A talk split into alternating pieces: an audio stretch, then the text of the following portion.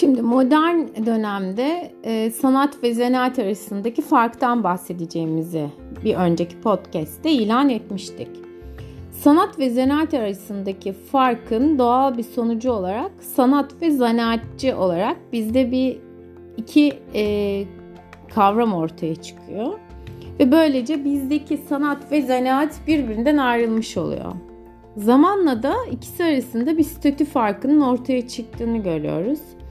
Çünkü hani yaratıcılık, işte estetik payesi sanatçıya, bu işin beceri, ortaya bir ürün çıkaran faydacı aslında yani kişiye, topluma faydacı olan kısmı ise zanaatçıya verilmiş. Bizde böyle bir ayrışma söz konusu olmuş.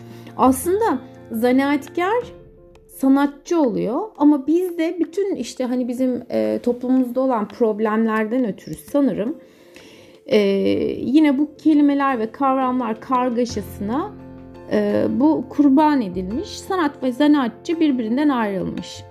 Oysa ki e, estetik ve fayda temelinde baş gösteren şey e, zanaatkarın bir sanatçı olduğu, sanatçının da zanaatkar olması gerektiği kavramını ortaya çıkıyor, çıkarıyor. Şimdi günümüzdeki e, bazı sanatçı e, müsveddelerine baktığımız zaman e, popüler kültürle beraber nasıl birbirinden ayrılması gerektiğini siz artık kendi kafanızda, dünya görüşünüze göre bir çerçeveye oturtturursunuz sanırım. Çünkü e, sanatın işlevi e, ve sanatçının ve bunu eleştirenlerin fayda ve araçsal aynı zamanda estetikten ayrı tutulmayacağını fark etmesi gerekiyor. Çünkü sanatın hem üreten hem de estetik olan kısmını birlikte barındırması gerektiğini e, kabul etmiş oluyoruz aslında. Şimdi bu ayrışmaya da neden direndiğimizi işte edebiyat tarihine falan bakmak gerekiyor herhalde ya da kültürel tarihimize mi ne bakacağız? Artık bakacağız zamanla araştıracağız. Ben de sonra burada geleceğim konuşacağım. Belki yazarım da.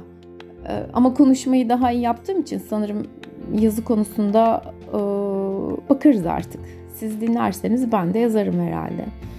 Buraya kadar e, şimdi sanat ve zanaat eksenini ele aldığımıza göre şimdi modern dönemde e, tartışmalar oluşmuş. Sanatın işlevi ne olmalı? İşte sanatçı kimdir? Zanaatkar kimdir? Bir türlü cevap bulunamamış herhalde ki hala bunu ben bile konuşuyorum burada. Zamanla bunlar değişmiş tabii. Şimdi bence doğrusunu söylemek gerekirse e, bazı şeyler var. İşte sanatın işlevi nedir? Sanatın işlevi ne olmalıdır?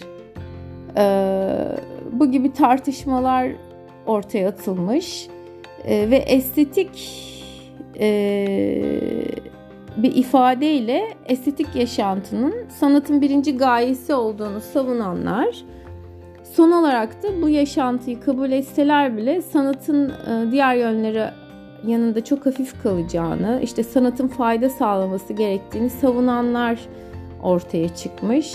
Hani işte sanat sanat içindir, sanat toplum içindir, sanat kimin içindir falan gibi hani böyle popüler tanımlamaları hatırlarsınız değil mi? İşte ben e, burada aslında aklıma şey geldi. İşte hani bizdeki tarihi eserlerdeki işte zenginlik ve günümüzde uyguladığımız hani ortaya çıkardığımız eserler eserler diyorum çünkü bizim biz öldükten sonra işte bir bina 70 yaşına 70 senelik 100 senelik eğer kalacaksa ne kadar eser olacak acaba diye düşünmeden edemiyorsun. Herhalde hepsi birer terk edilmiş bir e, harabe olacak değil mi? Ama oysa ki terk edilmemesi için bir sanat eseri olması gerekiyor. E, bizim yaşadığımız e, viranelerde zamanla bir eser olmadığına göre harabeye dönüşecek. O zaman işte burada işte sanat, sanat zevki, işte hayal gücü, zevk, beğeni ölçütlerinin devreye girmesi gerekiyor. E, çünkü sanat ve sanatçının tanımına dair e, yapılan yorumlar e, ölçütlerin yukarıya çekiyor. İşte gitgide çoğalıyor. Bu zenginlik e, zamanla işte o yaşadığımız şu an hani böyle kutu gibi evlerin e, sanat eseri olmasına doğru yol almasını belki zamanla sağlayacak tabii bizden olan şeyler. Çünkü bizden şeyleri koymadığımız zaman işte bizden şeyler derken işte bizim nasıl diyeyim estetik anlayışımızda bize ait olan işte bir kalem işini, işte bir minyatürü, bir tesibi e, ya da güzel bir e, kemeri, sütunu, kolonu, ne bileyim yüksek tavanı o binaya eklemedikten sonra ya da kullandığımız eşyada, oturduğumuz sandalyede, yastıkta ne bileyim bunları eklemediğimiz zaman işte o sanat eseri olmuyor da yani nasıl diyeyim güzel olmuyor tabii. Ya bence her şey sanat eseri. Yediğiniz bir tabak yemeği bile sanat eserine çevirebilirsiniz. Bugün gastronomi diye bir şey var sonuçta.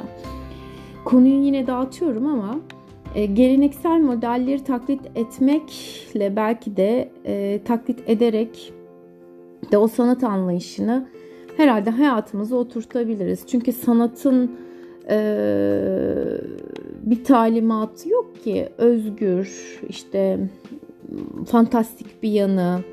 İşte kısıtlamalardan ırak koyulmuş bir tarafı.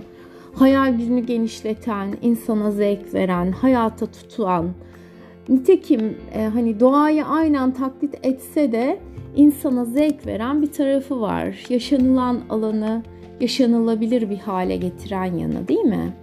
O zaman e, sanatsal eylemin nasıl gerçekleştiği ve bu eylemin nasıl bir süreç olduğu sorularının yanıtlarına cevap vermek gerekiyor. Yani bulunduğumuz nokta itibariyle yaşadığımız çevreye, işte etrafımıza baktığımızda bu soruların cevabını bulamadığımızı, hayatımızı aksettiremediğimizi görüyoruz. Çünkü görünen köy kılavuz istemiyor. O halde e, sanatın açıklamalarının peşinden gitmek, işte sanatsal ürünler ortaya çıkarmanın, bunun nasıl bir olgu olduğunun, işte bizi nasıl doyurucu sonuçlara e, ulaştırabileceğini yollarını aramak gerekiyor.